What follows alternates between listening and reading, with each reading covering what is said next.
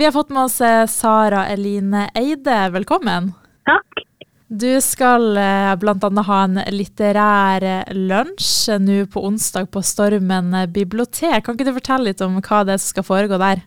Det som skal foregå er at jeg er blitt invitert til å snakke om boken min som heter 'Skolefravær', som kommer på Cappelen Dam Akademisk i, i begynnelsen av 2022.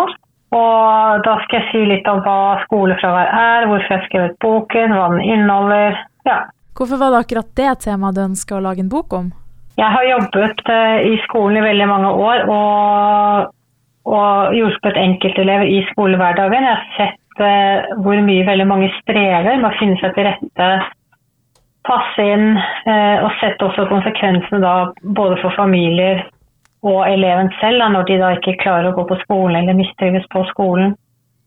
Og Da ønsket jeg å lage en bok med mine perspektiver, mine erfaringer, eh, for å være elevens stemme.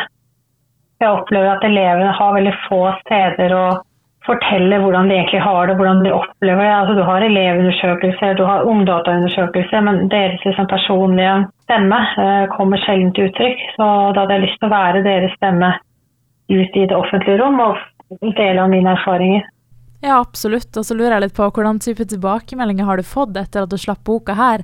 Har folk funnet trøst og hjelp i boka di?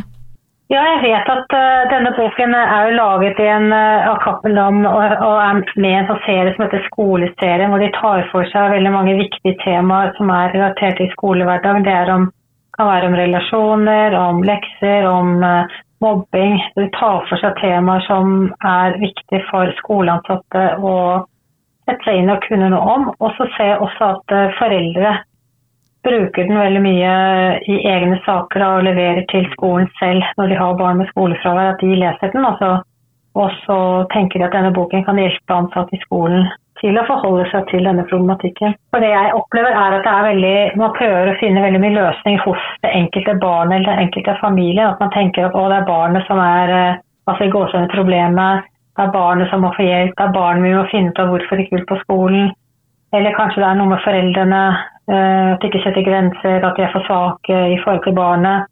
Det kommer veldig mye sånne holdninger i kjølvannet av uh, i skolefraværssaker. Og jeg er veldig tydelig på at alle skolefraværssaker må løses i skolen og skolerelatert, uavhengig av hvordan barn og unge har det hjemme. For de fleste foreldre de vil jo selvfølgelig, eller alle foreldre vil jo at barna skal være på skolen.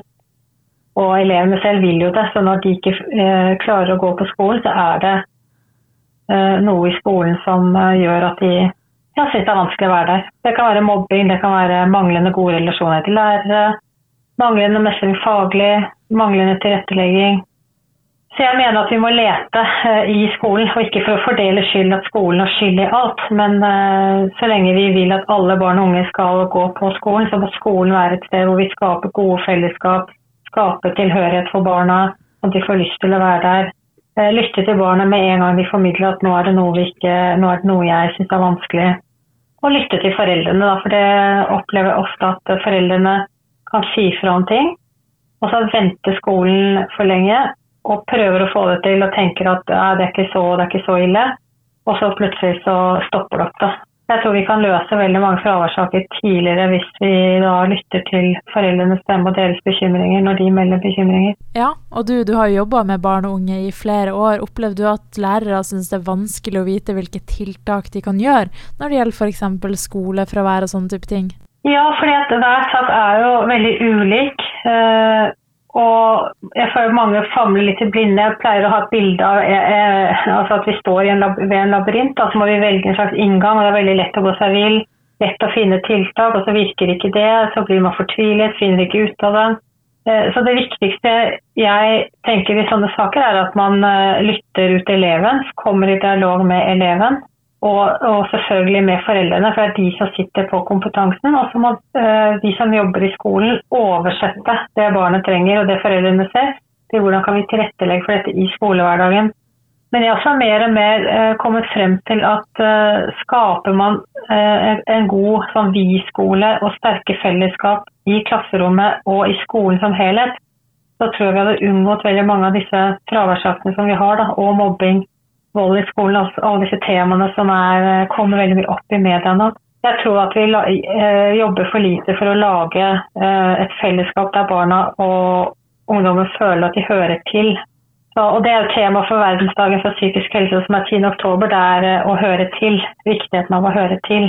Ja, og angående det skal dere også ha et foredrag på tirsdag klokka syv. Kan ikke du fortelle litt om hva som skal foregå den kvelden? Jo, Mental Helse Bodø og Trondheim bibliotek inviterer til et åpent foredrag på tirsdag mellom 7 og 9. Og da skal jeg ha en innledning på 45 minutter og snakke om skolefravær og konsekvensene for den enkelte av det utenforskapet det er å ikke være på skolen. Og så blir det en paneldebatt med fire deltakere lokalt, som da skal eh, Vi skal ha en samtale eh, med muligheter for spørsmål fra de som kommer. Så det gleder jeg meg til. Og så helt til slutt, da. Hvem tenker du har best nytte av å komme og høre på det her? Jeg tenker alle som eh, er opptatt av barn og unge.